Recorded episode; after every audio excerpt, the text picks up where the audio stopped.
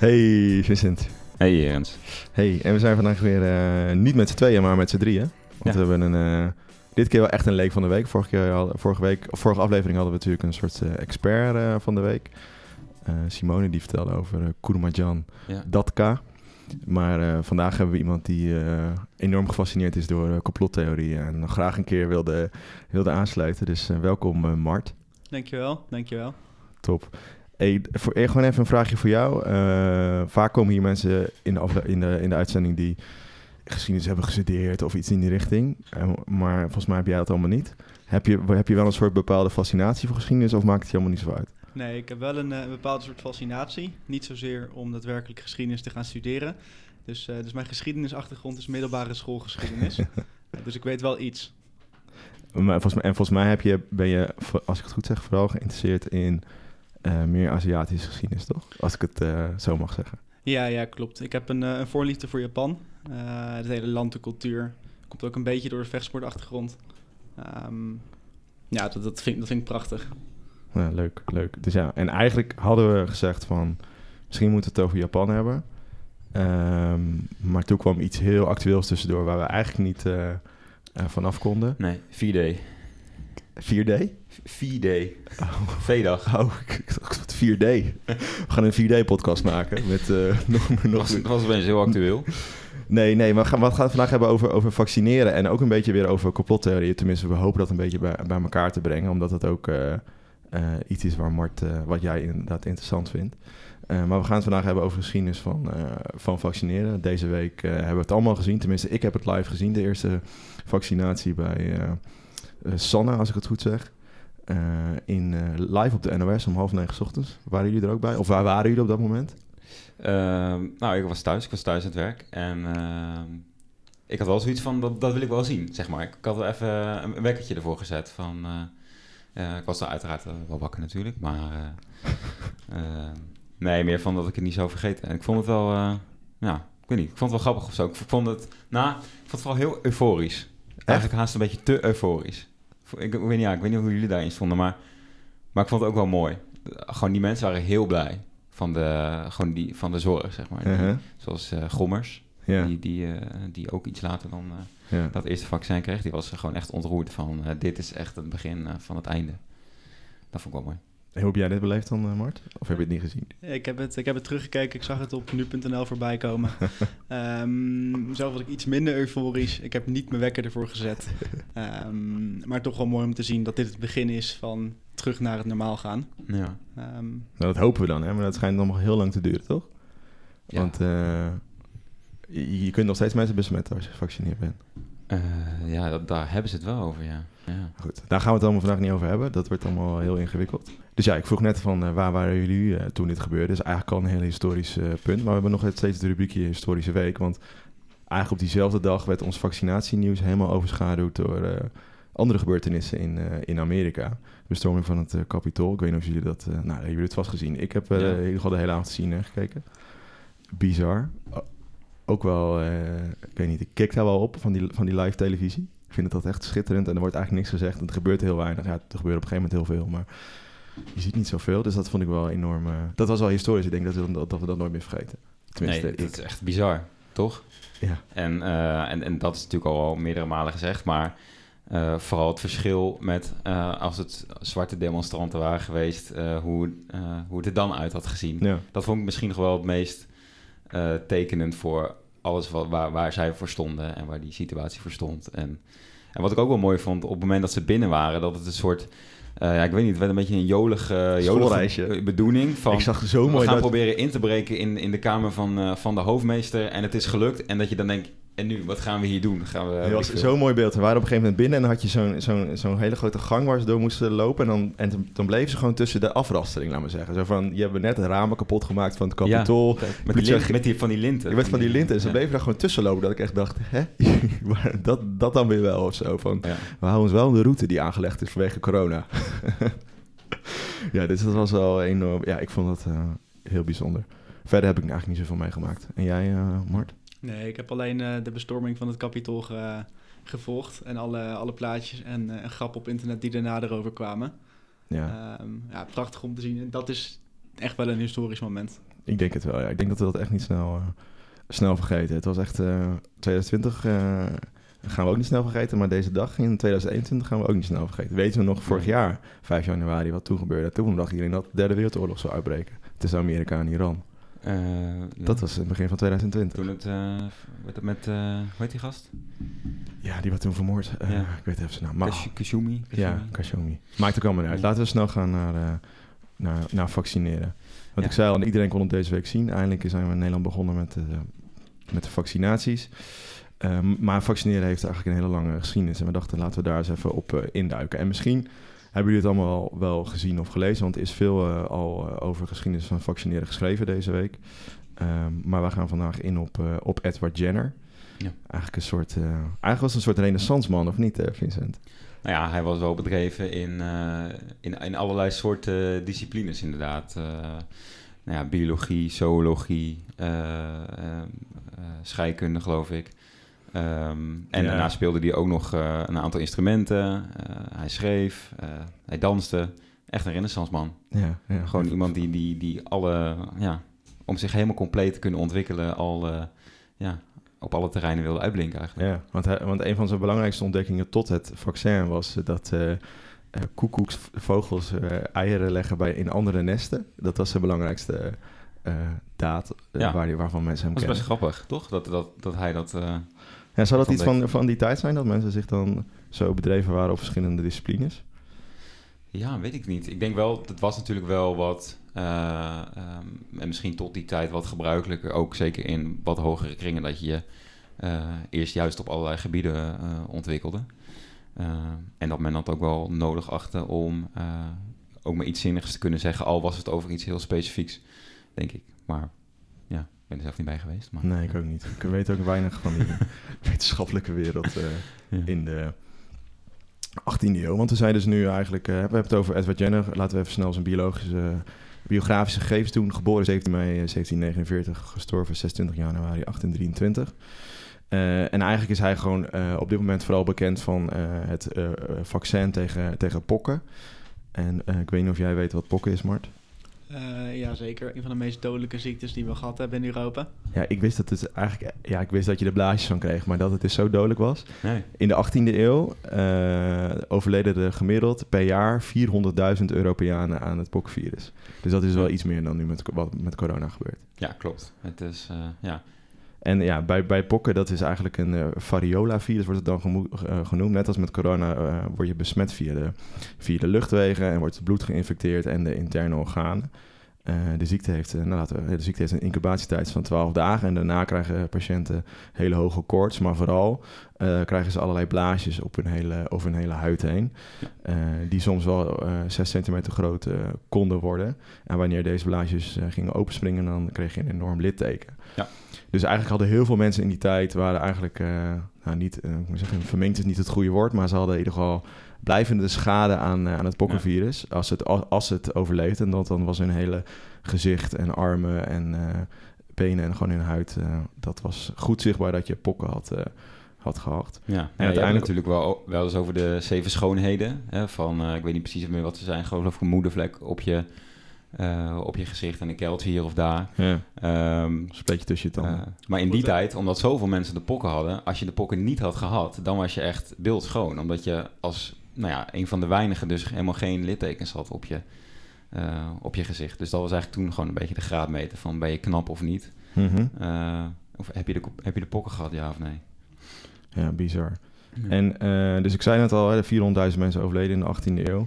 En ongeveer 10% van de hele bevolking, zeggen ze dan, van in de 18e eeuw van heel Europa is eh, uiteindelijk overleden in 100 jaar tijd. Dus dat is echt eh, enorm. En in de steden ging het natuurlijk allemaal weer sneller. Eh, maar het is eigenlijk een hele oude ziekte, want ook op de mummies van farao's zijn littekens gevonden van, van de pokken. Dus dat laat zien dat het toen ook al Ja. aanwezig was. En nu Vincent, ik heb het draaiboek hier voor me en jij hebt drie termen wil je graag uit, uitlichten. En ik snap er helemaal niks van. Dus jij, met, jij hebt een vriendin die arts is, dus misschien dat jij iets meer Ja, misschien kan ik die even bijhalen. over weet. Ehm, nou ja, de- toen ik zo inlas, toen, toen kwam ik verschillende soorten termen tegen die een beetje eh, door elkaar heen lopen. Maar ik denk dat we eh, deze termen nog wel gaan noemen in, eh, in het verhaal wat we gaan vertellen. Dus dan heb je misschien een beetje eh, een idee van eh, waar hebben ze het nou precies over. Eh, we hebben als eerste inoculatie. Eh, mag je opschrijven voor Scrabble. Dat is echt een topwoord. Uh, inoculatie, dat is eigenlijk ehm, een reeks methoden om kunstmatig immuniteit tegen verschillende infectie, infectieziektes op te wekken. Dus dat is eigenlijk dat je bewust mensen infecteert met een bepaalde ziekte om een soort immuunreactie uit te lokken. zodat je lichaam een soort geheugen opbouwt dat je het daarna niet meer krijgt. Uh, dus dat is eigenlijk de overkoepelende paraplu van uh, een vaccinatie of een andere manier waarop je iets, uh, nou, zo'n virus toedient. Mm -hmm.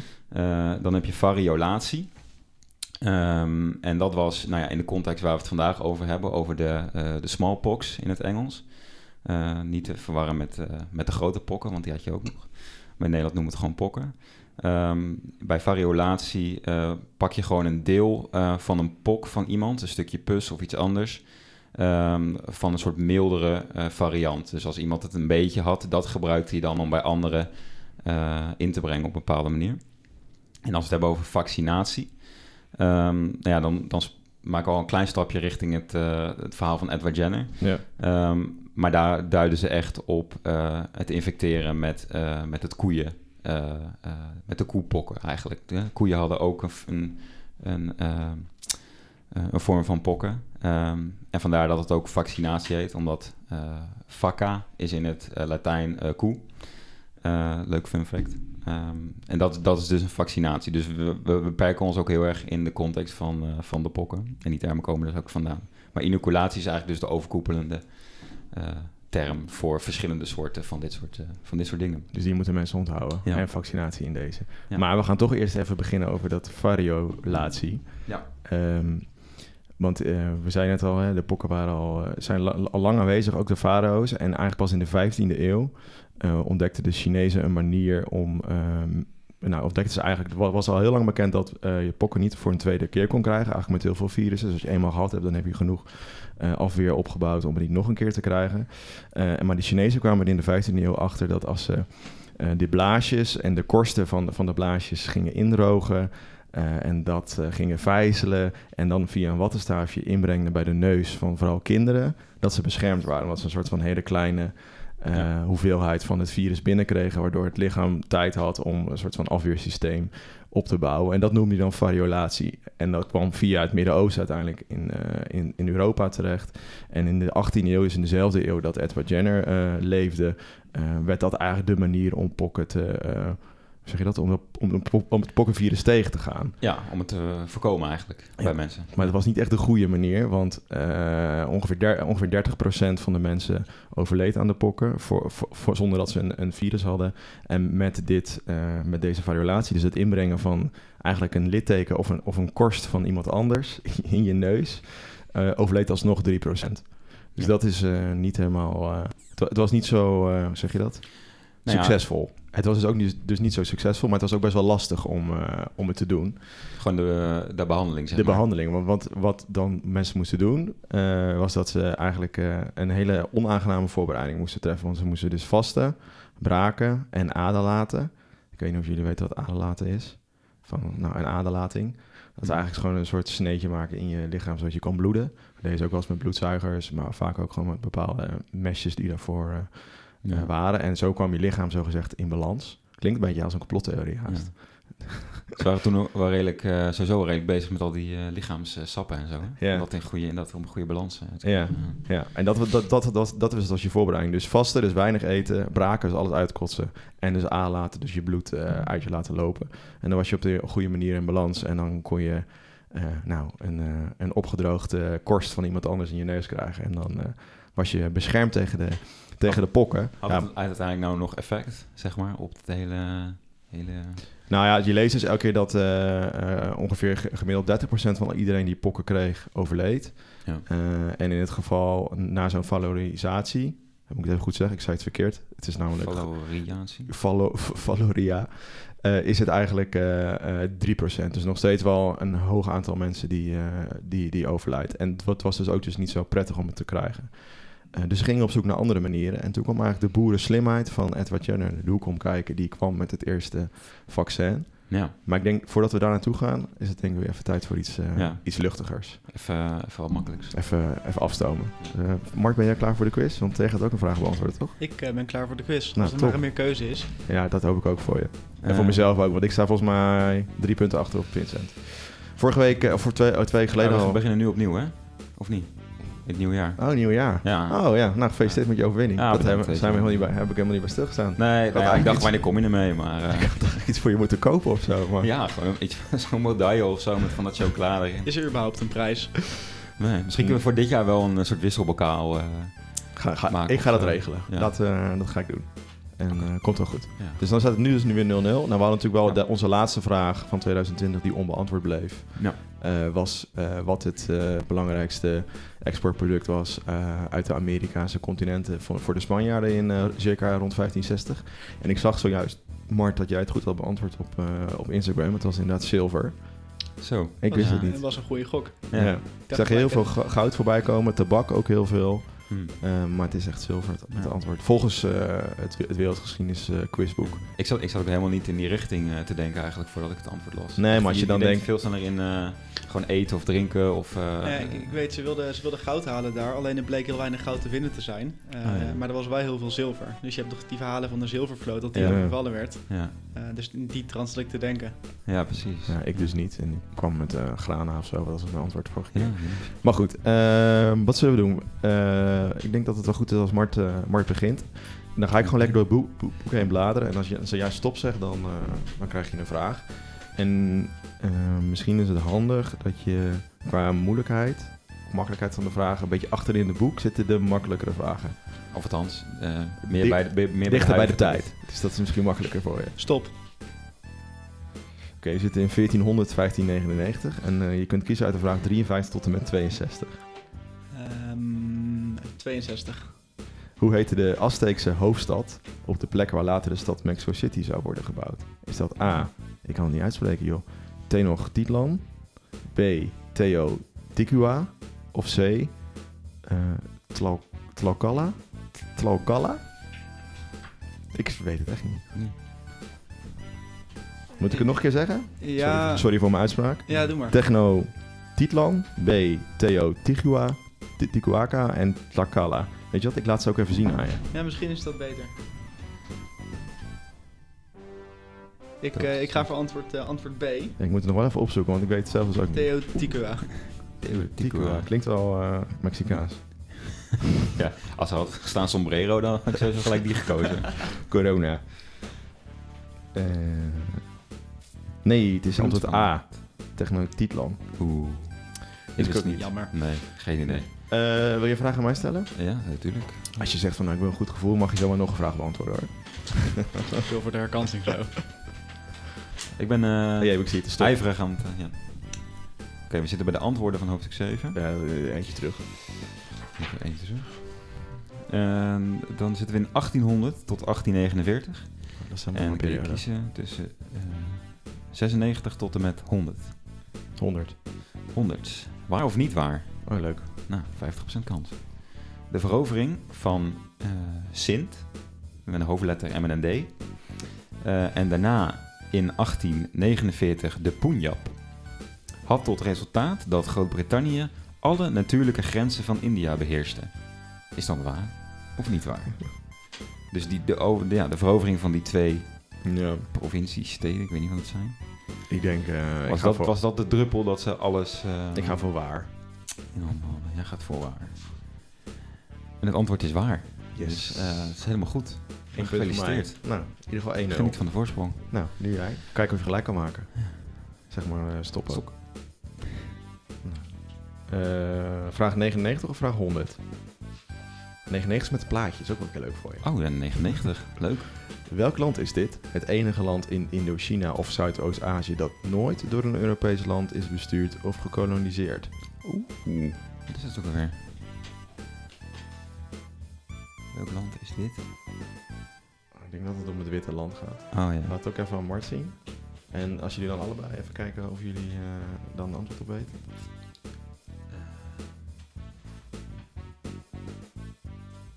Erg? Geen idee. Ga ik zelf ook even kijken hoor. Het ligt tussen Cambodja, Laos, Vietnam en Burma in. Ja. Ik, ik zou willen zeggen Maleisië, maar ik denk dat dat... eh, Nee, goed. door nee, door Verenigd Koninkrijk... Dit eh, weet je wel. Het enige land. Het enige land. Wat Heb jij, heb jij een idee? Ehm, Bangladesh? Wilde gok? niet. Nee, ook niet. Eh Tik-tak, tik-tak. eh, Thailand. Ja, dat is goed. oh shit. Ik dacht echt niet dat je het wist. Het eh, vroegere Siam. Siam, ja. Oké, nou één. En eh, ja, sorry Mart, je wist hem ook niet. Ja, het, uh, maar maakt niet uit toch? Ik kan toch niet winnen aan het eind van het jaar. Daarom. daarom. Je, mag, je mag meedoen in de feestvreugde, dat wel. Ja. Maar goed. eh, De eervolle vermelding, eh, die, die zitten wel in aan het einde van het jaar. De poedelprijs. ja, de poedelprijs. Oké, 1-0. Eh, Nee, 1-1. Want Of je, 1-1. Ja, ja. Oh dus, ja, ja, eh, goed. ja, ik hem ook goed. Ja, Ja, ik was wel het gewend aan. Ja. ja. Oké, laten we snel weer doorgaan met, eh, met ons hoofdonderwerp, met eh, Edward Jenner. ja. Ehm, hij was dus arts ook. Hè. Naast dat hij dus, wat we net allemaal vertelden, een soort renaissanceman was, was hij vooral ook arts. En hij had ook zelf al gevarioaliseerd eh, sinds het begin van zijn, eh, van zijn, van zijn arts eh, zijn. Zelf is hij ook, zeg maar, dat, bij hem is het gedaan, zeg maar. Ja, dus, dus hij was ook beschermd. En het verhaal gaat dan dat hij op zijn dertiende stage liep als, bij een chirurg slash apotheker. En dat hij toen hoorde, en dat was in een kleine dorpje, dan hoorde hij in die overleveringen, eh, eh, hoorde hij een melkmeisje zeggen, ik zal nooit de pokken krijgen, omdat ik de koepokken al heb gehad. Ja, En dit was op zich wel algemeen bekend in de samenleving, hè, dat de koepokken ook over konden slaan op eh, mensen. Die zaten heel vaak op de uiers. En als mensen dan de koe aan het melken waren, dan, kreeg, dan ging dat over, dan Ja. zeggen op je handen. ja, dat is wel een beetje hetzelfde, alleen dan iets, eh, gewoon een iets mildere variant eigenlijk. Ja. Je kreeg wel pokken, maar eh, En het grappige is dat... er niet zo ziek van. Nee, het grappige is dat dan heel vaak bij stond dat melkmeisjes ook bekend stonden om hun schoonheid. Klopt, ja. Omdat zij, nou wat ik daar straks al zei, zij waren dus een van de weinige mensen die niet geteisterd waren door, eh, door het grote eh, pokkenvirus. Ja. Eh, ehm, en het dus geen littekens hadden. Nee, nee. En hij, hij heeft het eigenlijk, dan eh, lees je dat hij het heel vaak eh, heeft het gewoon onthouden, maar eigenlijk niks mee gedaan. Maar na jarenlange eh, studies in verschillende disciplines, wat we net al zei, dat hij in, in 1796 zijn eerste stappen zette in de ontwikkeling van een oplossing van de pokkenepidemie. En dat was namelijk een stukje koepokken uit de koe halen en inbrengen bij, eh, eh, bij een mens. En zo dus immuniteit eh, creëren. Ja. En hij deed dat eh, door eh, de koepokken eh, eh, op de armen van een meisje genaamd Sarah Nelms eh, in te brengen. En vervolgens ook op eh, een acht, achtjarige jongen, eh, James F- Phillips. En dat was dan volgens mij de zoon van zijn tuinman. Dus hij Ja. was dus wel echt een, zeg je dat, een welgesteld man. En ehm ja, zij kregen dus allebei niet, niet te pokken. En zo was eigenlijk het bewijs geleverd. Ja. Maar ge- geloofden ze dat in die tijd? Nou ja, ehm, op zich geloofden ze het wel. Ik bedoel, want eh, hij heeft het wel bewezen dat het werkte. Want hij had verschillende proefpersonen waarbij hij het eh, nou ja, testte en eh, waar het uiteindelijk goed mee ging, die kregen de pokken niet meer. Dus het was eigenlijk best wel een succesverhaal. Ehm, en wat je zei, van, ja, hij, hij kwam met die hypothese van... aan de ene kant heb je dus die melkmeisjes... wat eigenlijk iedereen weet, want die worden nooit ziek. En aan de andere kant... Zijn bloedmooi. Ja, zijn bloedmooi, hè? En aan de andere kant doen we het door middel van, van wattenstaven in de, in de neuzen stoppen met, eh, met het echte pokkenvirus. Eh, daar, daar moet iets, eh, iets tussen zitten eigenlijk. Nou, dat was eigenlijk deze, eh, deze methode. Alleen, eh, mensen hadden wel, eh althans, zo, ja, kritiek hadden ze op zich wel. Ehm, en dat kwam ook voornamelijk mee omdat Edward Jenner eigenlijk zelf ook niet zo goed wist waarom het nou werkte. Voor hem was het heel erg, eh, nou, bijna zo logisch als we het nu vertellen. Gewoon 1 en 1 is 2 en we kijken waar het schip strandt. En uiteindelijk werkte het. Ehm, maar mensen die, die misschien nog wat meer bedreven waren in die wereld... eh, die stonden er wel kritisch tegenover van. Want hij kon niet uitleggen waarom het dan precies, eh, waarom het dan precies werkte. Nee. Ik ben Daar wel, kwam... ja. wel benieuwd, want ehm, wat ik begrijp is dat hij niet alleen de methode verandert. Dus hij kijkt naar, een naar de koeienpokken in plaats van de normale pokken. Eh, en daarnaast gaat hij het ook anders indienen. Dus je hoeft niet meer die hele voorbereidingstijd waar je sneetjes gaat maken, waar je gaat vasten en andere hele smerige dingen, Braken. braken, denk Ja. je wel. Ehm, dat hoeft dan ook niet meer. Nee. En waarom zou je dat dan beide ineens veranderen? Ja, ik denk omdat, je de, omdat hij er ook vanuit ging eh, dat het dus een hele milde variant was. Ehm, en eh, dat eigenlijk eh, mensen kregen het sowieso, hè, dat, dat die ziekte kregen ze al. Gewoon al die melkmeisjes die hadden die, die koepokziekte. Zo. Ehm, en het was dus ook niet erg als je het, eh, als je het eventueel kreeg eh, tijdens het vaccineren. En dat was natuurlijk bij die, eh, bij, dat, bij die andere methode. Daar kreeg je echt het daadwerkelijke, wat grotere virus. En als je het daar wel kreeg, nou ja, en daar hadden we het net over of dan die hele balansen van bloed, of dat dan helpt, ja of nee. Maakt dan denk ik niet, maakt dat denk ik niet zoveel uit. Ehm, omdat, ja, als je het dus kreeg, was het niet zo'n probleem. Dus je hoeft ook niet echt die voorbereidingen te treffen. Ehm, en daarnaast uh, ontdekte hij ook dat je...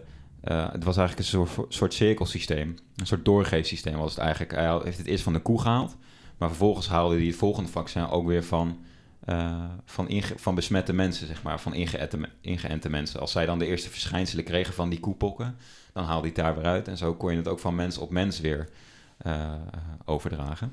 Ja, en het was dus veel doelbewuster dan, uh, dan die valorisatie met dat, uh, met dat in je neus brengen. Omdat ja. je daar gewoon niet kon bepalen hoeveel nee. uh, ziekte of virus je binnenkreeg. En hier kon je nu heel specifiek, en door dat spuiten was het nog specifieker, laten we zeggen, dus door het inbrengen.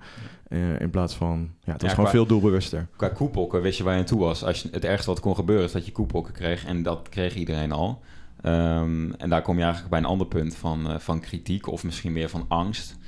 Um, want je hebt William Rawley en die heeft een boek geschreven over, de, over meer dan 500 redenen uh, die hij opgeeft, bewijzen uh, waarom de methode van, uh, van Jenner niet zou, niet zou werken. Ja, dus in die tijd eigenlijk meteen. In die tijd, ja. ja.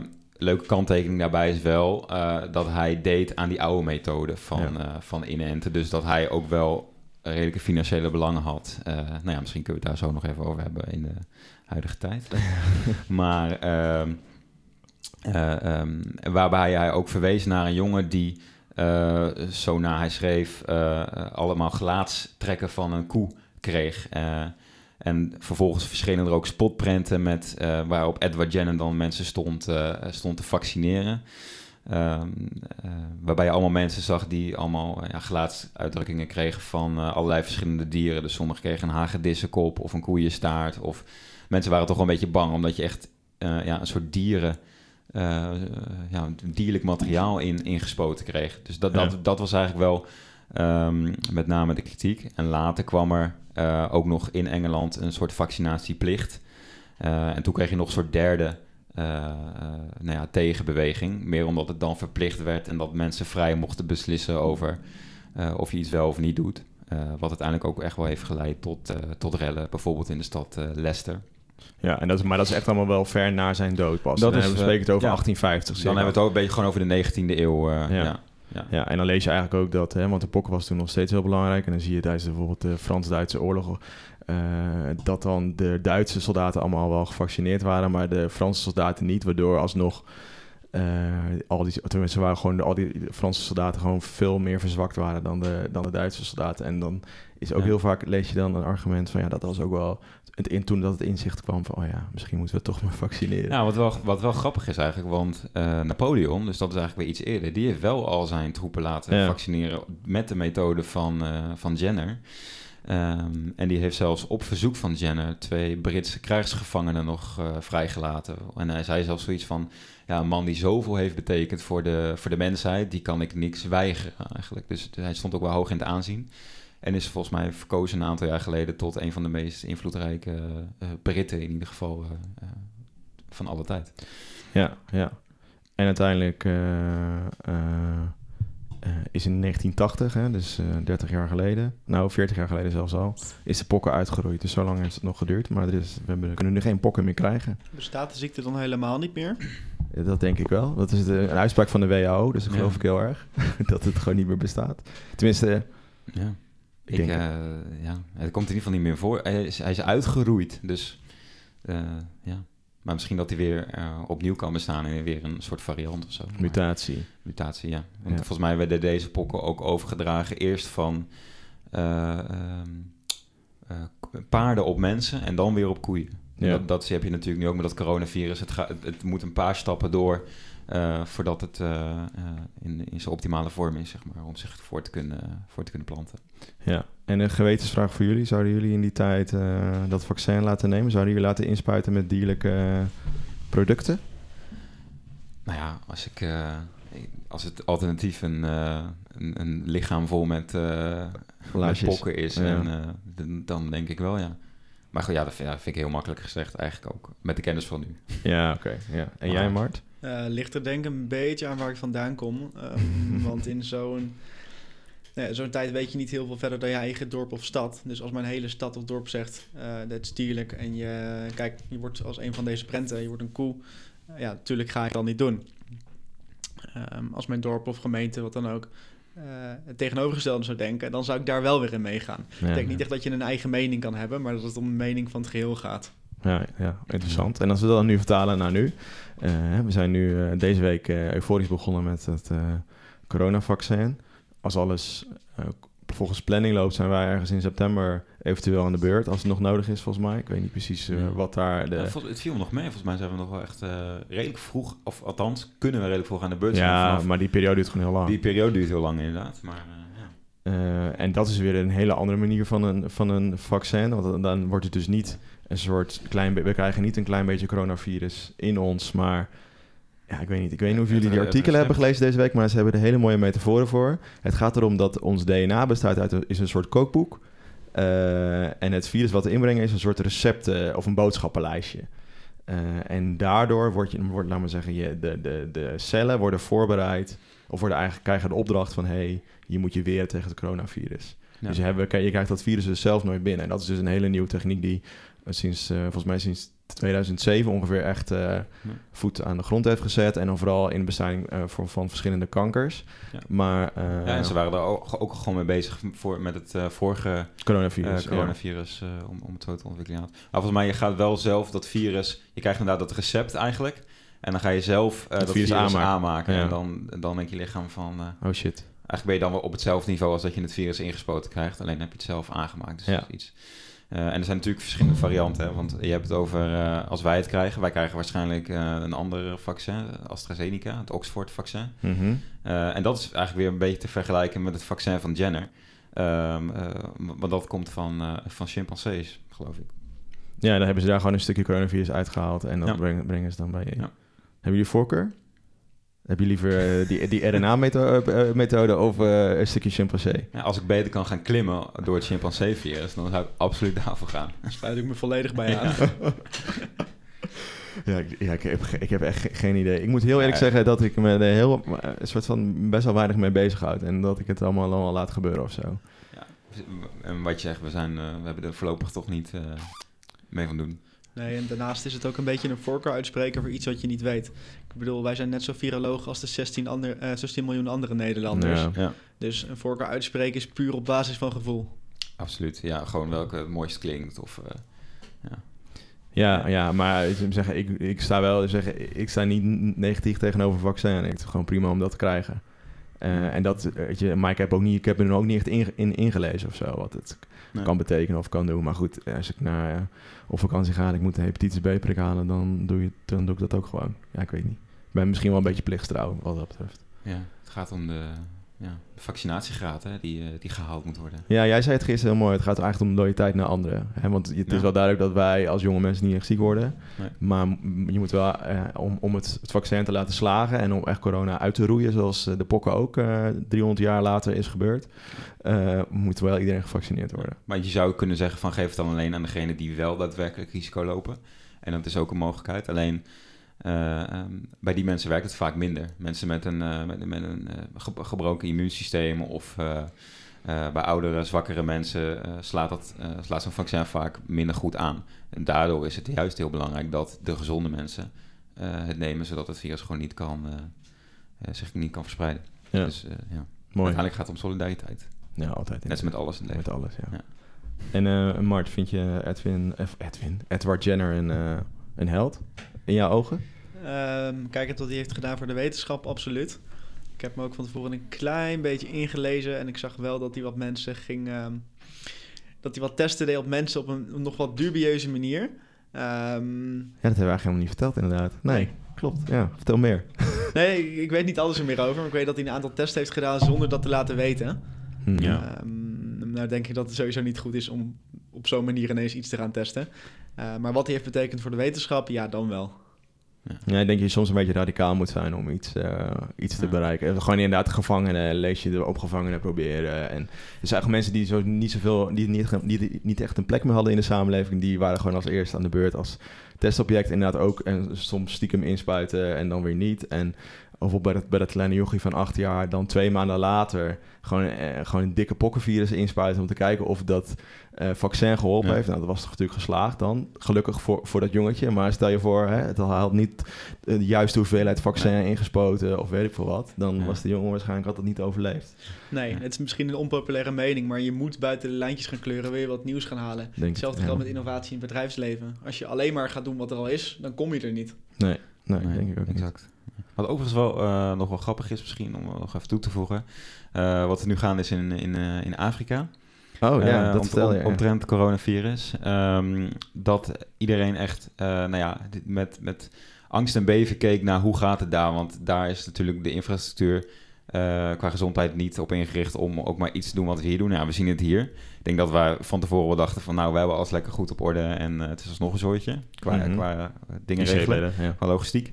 Ehm, maar in Afrika valt tot dusver reuze mee eigenlijk eh, qua coronabesmettingen. eh, maar zeker eh, de ernstige gevolgen van, eh van coronabesmettingen eh, vallen daar reuze mee. En eh, dan kom je waarschijnlijk weer uit bij Jenner, eh, den- denken ze nu. Echt eh, heel veel mensen heel vroeg al gevaccineerd daar ook. die, eh, ja, door de 18 Chinezen toen, eh, die zijn er toen heen gekomen. Nee, dat, dat daar waarschijnlijk eh, misschien eh, eh, eerder al, of eh, nu tegelijkertijd, een, een soort ander, milder eh, virus eh, heerst. Eigenlijk dus te vergelijken met de koepokken.